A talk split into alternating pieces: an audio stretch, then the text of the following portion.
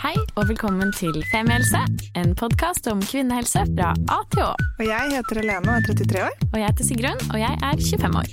Og vi har startet denne podkasten fordi vi mener at det bør snakkes mye mer om kvinnehelse. Så la oss snakke.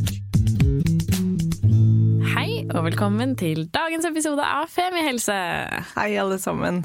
Uh, dette blir sikkert litt random for noen, fordi denne episoden spilles om noen uker, men nå er det litt over en uke siden vi lanserte. Å, herregud, for noen responser vi har fått! Det er så hyggelig! Ja, det er skikkelig koselig. Og det er så deilig å vite at, um, at tankene våre om at man trengte en type podkast som dette, stemte.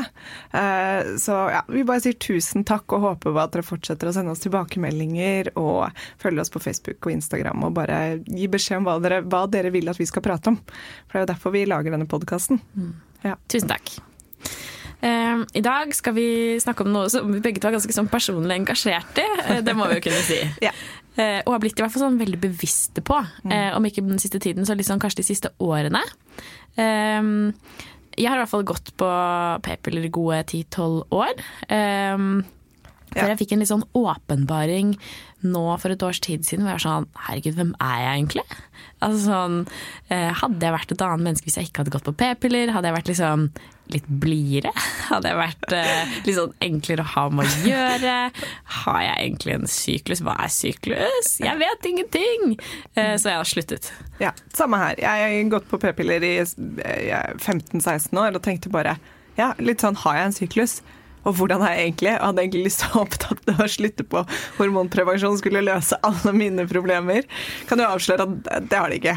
Men uansett, det har vært spennende å, å bli litt mer observant. Og derfor så har vi fått inn en ekspert i dag som kan veldig mye om eh, syklus og alt som har med det å gjøre. Sånn kort intro på det, kanskje. Mm. Ja.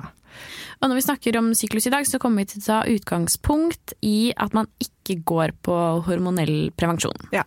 Så velkommen, Siri Kalla. Tusen takk. Ja, kanskje du kan gi en kort introduksjon av deg selv? Det gjør jeg gjerne. Jo, det var så at når jeg var i tidlige 20-årene, så var jeg omtrent der du var, eller dere begge har vært. At jeg begynte å lure på det her med p-piller. Det kanskje ikke er så greit, egentlig. Jeg begynte å interessere meg mye for økologi og for yoga og økologisk mat. Og så stoppa jeg inn med de der kjemikaliene hver, hver dag og tenkte at nei, men det her, det her kan ikke være noe bra. Så da begynte jeg å søke etter et naturlig alternativ, og fant frem til fertility awareness, og ble helt eh, til meg over at det fantes en naturlig prevensjonsmetode. Det kommer vi snakke mye mer om da i denne podkasten, hvordan det fungerer. Mm. Eller i neste podkast blir det. Ja. ja. Eh, og så har jeg utdannet meg eh, til sertifisert eh, fertility awareness educator. Det var altså ungefär ti år siden jeg, jeg fant frem til de her metodene selv. Hva betyr det egentlig? Fertility awareness uh... Fertility awareness. Det er en metode der man lærer seg å kjenne sin egen syklus, så at man vet hvilke dager i syklusen som man er fertil, og hvilke dager man er infertil. Okay. For vi er faktisk kun fertile omtrent fem dager hver syklus. Ok, Og dette er da en yes. egen utdannelse? Det har en egen utdannelse. Og I mm. Norge? I Sverige? I Canada. I Canada. Så jeg har lest på distanse fra Canada, fra Justice College i Canada. Cool. Og yes. det, hvor, hvor, lang er denne utdannelsen? Eh, I utgangspunktet så skal den være to år, men den tok meg tre år å sluttføre, for jeg gikk så dypt i allting. Kult. Og det er også en såkalt holistisk utdannelse? ikke sant? Det er en holistisk, ja. Så min offisielle tittel er Holistic Reproductive Health Practitioner, hvilket mm. kan oversettes som holistisk reproduksjonshelsecoach, mm. omtrent. Spennende. Mm. Så i dag skal vi da altså snakke om hormoner og syklus i et perspektiv som eh, ikke i stor grad dekkes av eh, tradisjonell skolemedisin. Mm -hmm. Så ja. Yes. Så vi kan jo kanskje bare begynne rett på.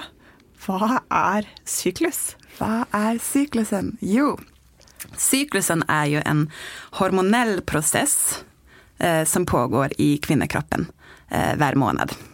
Det tränger inte vara en månad, det kan vara mer än en månad, det kan vara kortare än en månad, men omtrent en månad. Eh, det begynner i hjärnan med att eh, hypofysen i hjärnan plockar upp en signal när vi har som lavest hormoner, vilket är i begynnelsen av menstruationen. Hypofysen sänder en signal till äggstockarna. Och äggstockarna begynner att producera ägg. eller de begynner att utveckla små ägganlag som har legat där och väntat på att få bli utvecklat. Och de här ägganlagen de producerar östrogen. Och så produceras mer och mer och mer och mer östrogen samtidigt som de här ägganlagen utvecklas helt fram till ägglösning. Och efter ägglösning så omformas, alltså en del, vi säger äggsäcken, äggfolliken, eh, äggblären är det på norsk, beklagar, jag, är, jag lever i ett så mellanland mellan svensk, norsk och engelsk och är omtrent bara språkligt förvirrad ja, hela tiden. Ja, tack. Äh, äggblären blir kvar i follikeln. Och de cellerna i den som tidigare har producerat östrogen, östrogen är alltså kvinnans första könshormon, de omvandlas till istället för att producera progesteron, som är kvinnans andra könshormon. Vi har liksom östrogen och progesteron. Man kan säga att det är lite som ett yin och yang. Alltså det är liksom två hormoner som jobbar i samspel med varandra.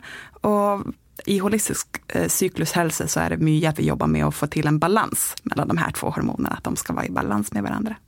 Och progesteronet, eh, det är där för att liksom typ hålla en mulig graviditet på plats. Om det skulle vara så att vi blir gravida, mm. då fortsätter progesteronet att produceras genom de första tre månaderna av eh, graviditeten, av den här äggblären som nu kallas för gul, det gula legemet som är i äggstocken. Efter tre månader, tre första månaderna av graviditeten, så tar placentan, alltså mo, moderskakan, morkakan, morkakan, ja, morkakan, tar över produktionen.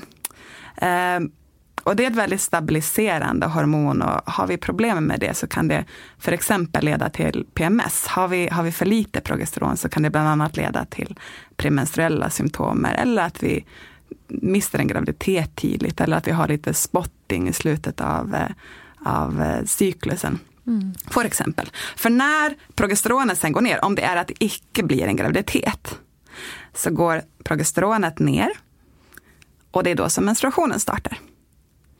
För östrogenet, samtidigt som det här har pågått i, i äggstockarna, så har östrogenet eh, i första halvdelen av cyklusen fått livmorslimhinnen i livmodern till att växa sig god och dejlig. Mm. För att liksom skapa lite som en fruktbar och dejlig jord för en muligt ägg att fästas i.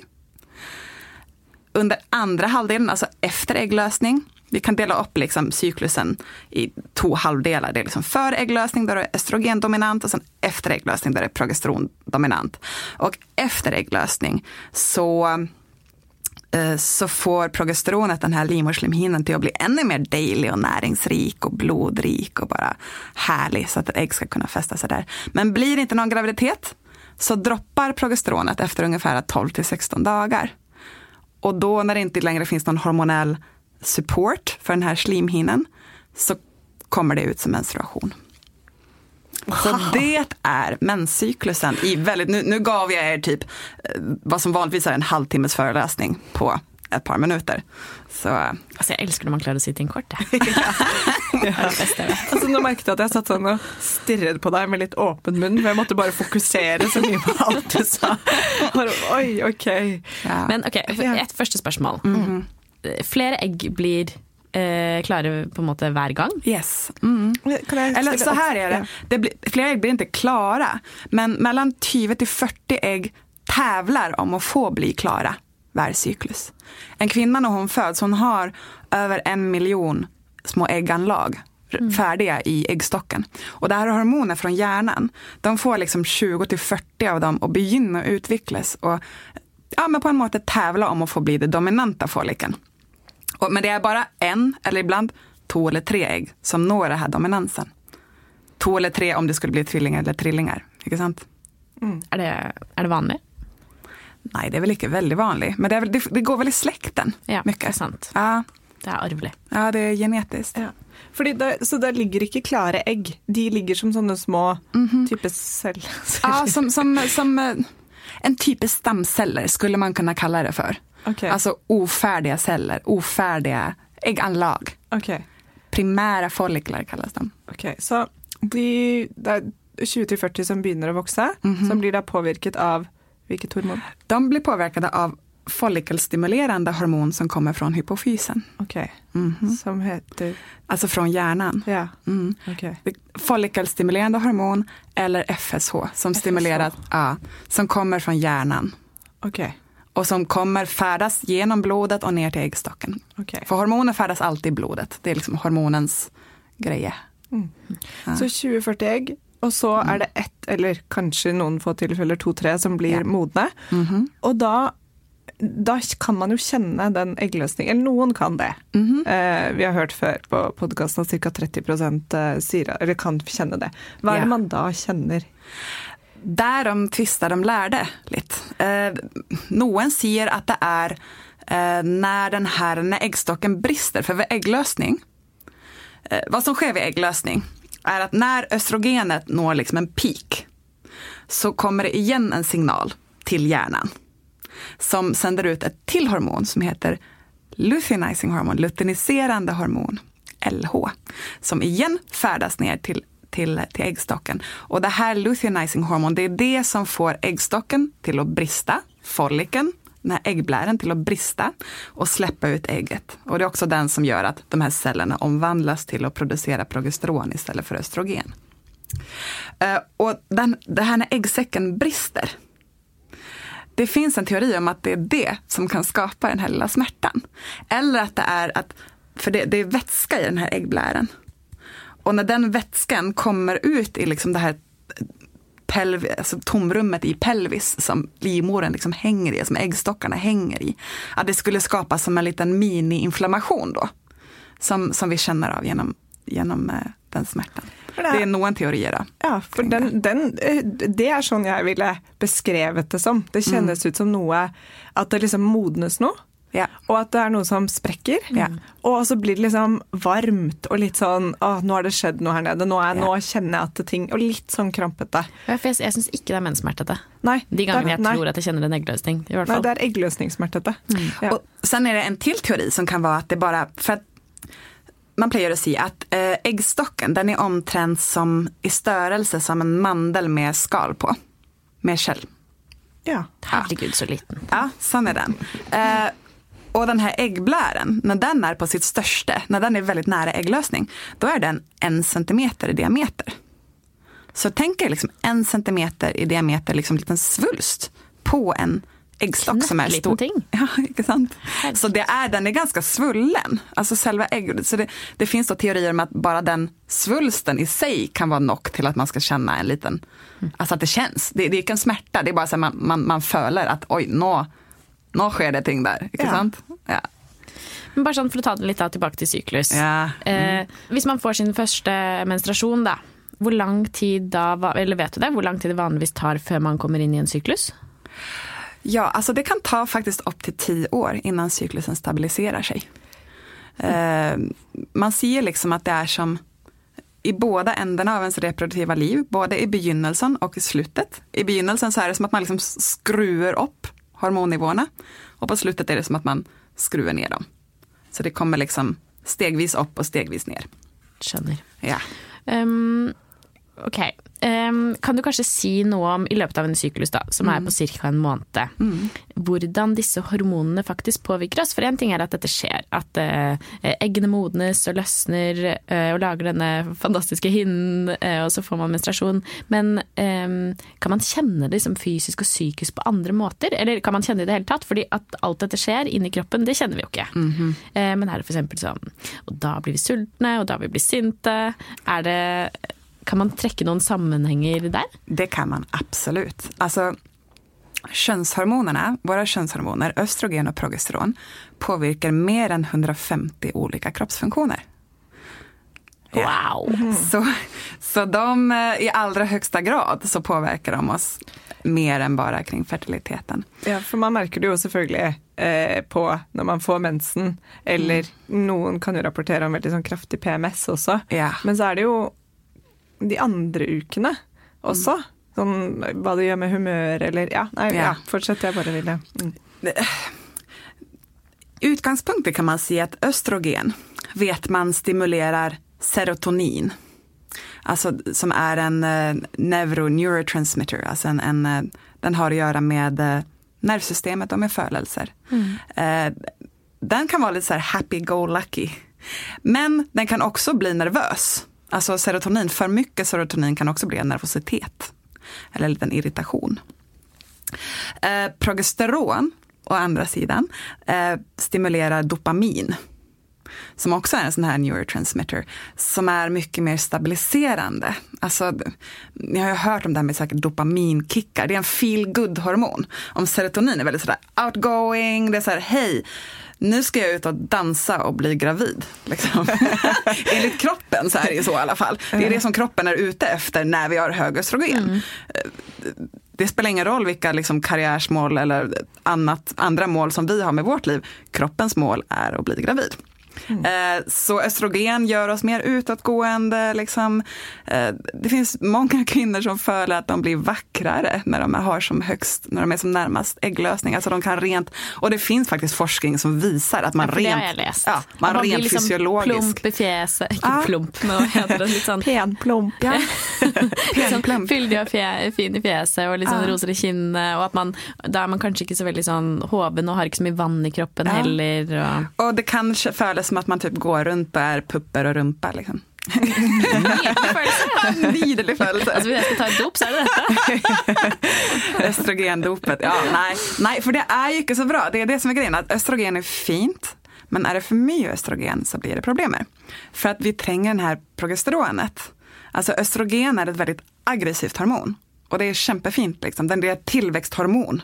Alltså det får brösten, det får bröstvävnad att växa, det får livmoderslemhinnan att växa, det får ägg att växa, inte sant? Det, det vuxer. Uh, men vuxer det för mycket så blir det, vad blir det när det vuxer för mycket? Då blir det cancer, inte sant? Så östrogen är också en, cancer, alltså en cancerframkallande substans om vi har för mycket av det. Ja. Så det är därför progesteron är så viktig och lite så bortglömd i, i vår eh, västerländska medicin. Då, ofta. Ja, vi snackar ju bara om östrogen. Vi gör det, mm. ja. Och progesteron är stabiliserande, alltså det hämmar tillväxten, det stabiliserar liksom tillväxten. Och det stabiliserar också humöret. Så många, om man har en så stabil progesteronnivå så upplever man ofta att eh, den premenstruella fasen är en fas där man föder sig väldigt stabil. Alltså det är så här, om den östrogenfasen före ägglösningen, det är kanske när man så här, föder får gå ut och dansa, det är en perfekt tid till typ hålla föredrag. Eh, om jag ska hålla en workshop så prövar jag alltid att få in det när jag har, är runt ägglösning. För då vet jag att ja, men då är jag som mest social och som mest liksom, ja, men shiny helt enkelt. Mm. Uh, men där i progesteronfasen, då är vi mycket mer, uh, det är kanske då man så att gör sin bokföring. Det är då man kanske så städar, vaskar hela huset och, och får ting på plats. Inte sant? Uh, jag playar ibland att se det som att det, det är nästan som att jag kan, i vart fall uppleva det, och hört andra kvinnor också se att ja, men det är som att man ska få allt på plats inför en möjlig graviditet. För att nå, ja. det är den fasen som kroppen väntar och ser, ser, har det blivit en graviditet? Och under, om vi blir gravida så är det också progesteron som är det dominanta hormonet under hela graviditeten.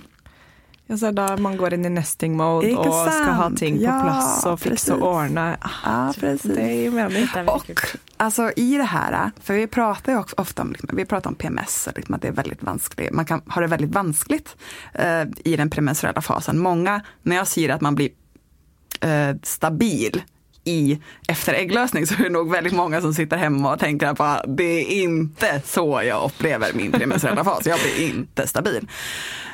Och då är det ofta tecken på att vi faktiskt har för lite progesteron. Okay, så hvis man upplever att ha en väldig PMS, ja. så kan det hända att inte allt är helt som det ska vara kanske? Eller att man i hvert fall på den... Det kan vara så, eller det är ofta så. Uh, I utgångspunkter, hur, hur vi jobbar i holistisk kvinnohälsa, det är så att det ska inte vara färt att vara kvinna. Alltså, och kan du inte säga lite om det? Ja, jag, jag, jag, Helena, jag var ju på ett föredrag med Siri mm. en ja, månad sedan, det sa jag i intron. Mm. Eh, och då sa du nettopp detta här, och jag syns det var så att höra. Du kan ja. inte bara ta sån två minuter? Yes, absolut. Oj, ja, för, vad ska man börja? För då sa du i alla fall sån, um, jag tror en av intron din var ju detta med att liksom, väldigt många kvinnor upplever våldsamma menstruationssmärtor. Mm. Um, men har en väldigt sån hållning till att ja men sån är det bara att vara kvinna. Det med leva med det också väldigt många läger som har den hållningen. Ja, ja. men också det PMS ligger, och ja. humörsvingningar ja. och att det liksom bara ska vara en del av det. Mm. Det ligger väldigt djupt i vår kultur, den tanken om att det är vanskligt att vara kvinna. Alltså man arvsynden snackar, snackas det till och med ut. Liksom, att ja, men kvinnan spiste av äpplet i Edens lustgård och därför så är vi straffet Straffas. genom att ha, inte sant? Eh, och där står vi vid ett rabbit hole som vi skulle kunna gå hur djupt som helst i, inte sant? Men, men eh, om man tar på de glasögonen ett tag och säger att men varför skulle det vara så att det utgångspunkt är vanskligt att vara kvinna? Varför skulle det vara så att någonting som vi tränger gå igenom var månad för att föra mänskligheten vidare skulle vara en plage? Det är ju helt evolutionärt idiotiskt Ja. om det skulle vara så. Alltså det, det, finns ju ingenting, det finns ju ingenting annat som fungerar på den. I alla andra tillfällen så är det smärtfullt, är det färt, så är det någonting fel. Har vi ont i benet så är det någonting fel. Det, det är bara så här, det, men av någon anledning, så när det kommer till kvinnan och kvinnans hormoner och kvinnans livmor, så är det bara att nej, men sån är det att vara kvinna. Eh, men det är det ju inte. Personligen så hade jag extrema liksom, menstruationssmärtor och PMS i många, många, många år och trodde akkurat att ja, men det, det var så där jag var kvinna. Då. Men när jag fick hjälp av mina fantastiska lärare och coacher som jag själv har jobbat med så, så kände jag att så var det faktiskt inte. Och nu har jag inte det längre. Och jag har mött många andra kvinnor som har gjort akkurat samma resa. For det du Um, sier med det, med det evolusjonære der, at eh, det gir jo mening at man skal være på høyden eh, ved eggløsning. Du skal ut og ligge og bli gravid. Og så gir det også veldig mening at ved progesteron så skal du være inne i fixing mode, du skal gjøre klart til dette potensielle barnet. Men så alt annet rundt det gir jo ikke meningen at man skal være deppa eller eh, stressa eller ha angst eller panikk eller skikkelig, skikkelig, skikkelig vondt. Nei. Altså det, det, det, ja, det henger jo ikke på greip sånn rent eh, kroppsmessig. Ja. Ja. Nej, det, och det är ju en, det är en komplex, alltså när vi jobbar med helhetlig hormonhälsa, det är otroligt komplex. Alltså man måste se på hela människan, man måste se på hela livssituationen.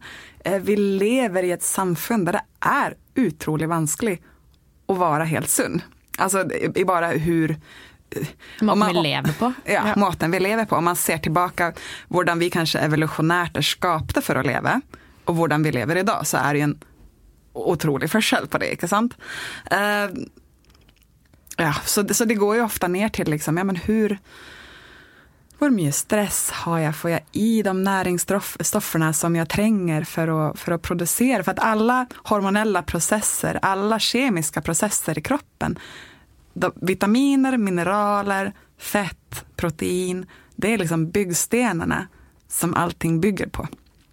Eh, och i vårt kosthåll som det ser ut idag så är vi ofta, vi har ofta enorma näringsbrister. Eh, också enorm stress, alltså stre, ja, stress, det, det är liksom i grunden till allt. Mm. Och folk lever ju också livsstilar som gör att det er Jeg har blitt mer bevisst på det og tenker liksom litt leve etter syklus. Men så sånn at jeg, hvis jeg vet at jeg skal ha eh, mensen, så prøver jeg Og da vet jeg at jeg kan ha skikkelig menssmerte. Prøver å ikke legge ut noen store ting de dagene. Ja, Men jeg har jo egentlig akkurat. ikke noe særlig å si på det. Hvis jeg skal holde foredrag den dagen, så skal jeg holde foredrag, eller en workshop, eller hva det skal være. Ja. Og det, da blir det jo mer at man kanskje går litt på akkord med seg selv, da. Og det eh, Og sånn, ja. Men så kanske. Men vet man då, alltså när man kartlägger sin, sin cyklus som vi gör i Fertility Awareness, alltså Fertility Awareness som, som jag är lärare i är ju ett system där vi kartlägger de fysiologiska tecknen på fertilitet och infertilitet i vår cyklus. Och på den måten kan vi varje dag veta akkurat var i cyklusen vi är. Så är det så att jag har haft ägglösning och mellan ägglösning och menstruation så är det alltid samma antal dagar hos en sund kvinna. Dagarna mellan ägglösning och, eller mellan menstruation och ägglösning, alltså första menstruationdag till ägglösning, det kan variera. Men från ägglösning till menstruation så är det alltid samma antal dagar. Så är det då att jag har haft ägglösning och så vet jag att nu ska jag hålla föredrag eh, om två veckor. Och shit, det ser ut som att det föredraget kommer till att falla på min första menstruationsdag. Men vad gör jag då? Jo, men då ser jag till att förberett mig väldigt gott. Alltså jag ser till att kanske ha allting förberett en uke innan. Så att de där sista dagarna innan menstruationen så kan jag slappa. Då tränger jag inte hålla på och göra de där sista förberedelserna då. Inte sant? Eh, och så ser jag till och så här, för min del en sån trigger för mig det är kaffe. Alltså dricker jag kaffe i min premenstruella fas, då är det åt tjottahejti, liksom. det fungerar inte. Då, då får jag PMS på en gång. För att det är en sån, eh, alltså den, den stimulansen som kaffe ger, gör på en gång att mina hormoner går helt whack. Inte sant? Och det, det är individuellt från kvinna till kvinna. Man, man, för, man, man finner själv sina sådana triggerpunkter. Vad är det som triggar mig? Var kommer min PMS från? Var kommer mina menssmärtor ifrån? Så det är inte någon sån här eh, det finns ingen magic bullet, det finns ingen magic pill eller quick fix solution, utan det handlar om att bli känd med sin egen kropp och hur jag fungerar som individ. Mm. Men da lurer jeg på, ja. eh, hvilke ting er det som kan påvirke nettopp dette her? Altså Som du sier kaffe, betyr det at liksom mat og hva man spiser? Ja. ja. Allt, skulle Allt. jag vilja säga. Alltså, mat, vad vi spiser. Det får vi i oss nog med kalorier, först och främst. Alltså det är väldigt mycket Eh, fetthets i vårt samfund. Men faktiskt väldigt många kvinnor har cyklusproblem för att de får i sig för lite kalorier. Eh, vi tränger faktiskt en eh, ja, mellan 20 till 25 procents kroppsfett för att ha en regelmässig cyklus. Eh, och det är ganska mycket mer än eh, vad många så här fitnessexperter jobbar mot. Eh, Eh, så bara liksom trendaspekter med ja, detta då? Absolut, det är en trendaspekt. Oh, och, ja. liksom... och sen är det så, det, det får vi i oss något med liksom, fett, får vi i oss något med kalorier. Sen är det också, får vi i oss något med mineral, äh, mineraler och vitaminer, alltså som är byggstenarna till hormoner, enzymer, allt det som kroppen tränger för att fungera. Fungerar tarmen? Eh, för att det är tarmen som absorberar alla, all e-näringsstoffer. Så det spelar ingen roll hur mycket e-näring vi spiser. Hvis inte tarmen fungerar så kommer vi få i oss e-näringen allikväl. Eh, fungerar levern, leverns metabolism? Eh, vad har vi för någon stress? Ja, för då tänker jag på sån stress. Ja, Mm. Massa, massa stress. Och då är det både liksom, eh, vardagsstress, vardaglig stress, men det är också traumatisk stress. Trauma, har vi liksom ouppklarade trauma i vårt liv så påverkar det oss kämpemycket. För det ligger liksom som en kronisk stress där i bakgrunden. Vad har vi mer? Liker jag jobben min? liker alltså, jag kärsten min? Ja, ja har man det bra? Inte sant? Det är mm. hela packen. Vi plejer att se, alltså, hur vi ofta snackar om holistisk eh, medicin i min skola, det är så att var person är som en bäger. Och vi, genetiskt så är vi ju försäljare. Så någon personer kanske har en stor bäger och någon personer har en väldigt liten bäger. Och värt stressmoment vi utsätts för är som en liten dråpe i den här bägaren. Så det kan vara liksom kosthåll, om vi har mangel på någon e-näring, om vi har något trauma, om vi inte trivs på jobben, om vi har mycket kemikalier i vår, i vår, ja, vi kanske brukar sminka med en massa kemikalier. Liksom. Det finns ju sminka utan kemikalier och det finns sminka med ganska mycket kemikalier. Det, det finns väldigt mycket kemikalier, väldigt mycket av de produkterna vi, vi brukar vardagsligt och väldigt många av de produkterna, väldigt många av de kemikalierna liknar på våra könshormoner och därför går in och aktivt liksom blockerar och skapar då hormonella störningar helt direkt. Eh, allt det är som dråpar i den här bägaren. Och till slut så svämmar den här bägaren över. Och då är det så här, okej, okay, vad var det som skapade det? Då kan, är det lätt att se på den där sista dråpen som hamnade i bägaren och tänka att det var den som skapade det. Men egentligen så var det inte den dråpen som skapade det, utan det är alla dråpar som är i den där bägaren. Så ska man då jobba med holistisk hälsa, då går man in liksom och ser på alla de dråporna. Och det är så vi jobbar liksom med holistisk hormonell hälsa. Så det blir, det blir ett arbete kring hela kvinnan och kring hela hennes liv, helt enkelt. Kan jeg stille et sånn avsluttende spørsmål? Ja. Um, ja, for vi, jeg, kunne, jeg, merket at jeg kunne snakket ja. om dette i timer. mm. Så vår liksom misjon her om å holde det kort og konsist. Ja. Men jeg bare lurer på, eh, kan man merke at man er i hormonell ubalanse? Og er det eh, eventuelt noe da man kan gjøre med det? Eller hvordan merker man at man er i ubalanse? Ja, eh, man merker at man er i ubalanse dels har vi snackat om, är menstruationscyklusen vansklig? Alltså har man starka vansker, vansker som faktiskt hindrar ens välbefinnande? Då är det någonting som är lite ur balans. Mm. sen kan man också se på hur lång cyklusen är, alltså hur regelmässig cyklusen är. Eh, vi vill ha en ganska regelmässig cyklus. Vi vill ha en menstruation som inte är för lätt. Den ska inte vara för lätt. Alltså har vi bara bittelitt blødning, da er det et tegn på at vi kanskje ikke har nok med hormoner. Har vi veldig mye blødning, bløder vi veldig mye, så er det også et tegn på at noe kanskje ikke står helt rett til. Har vi veldig, veldig lange sykluser, så er det det samme. Har vi veldig, veldig korte sykluser, korte sykluser så er det det samme.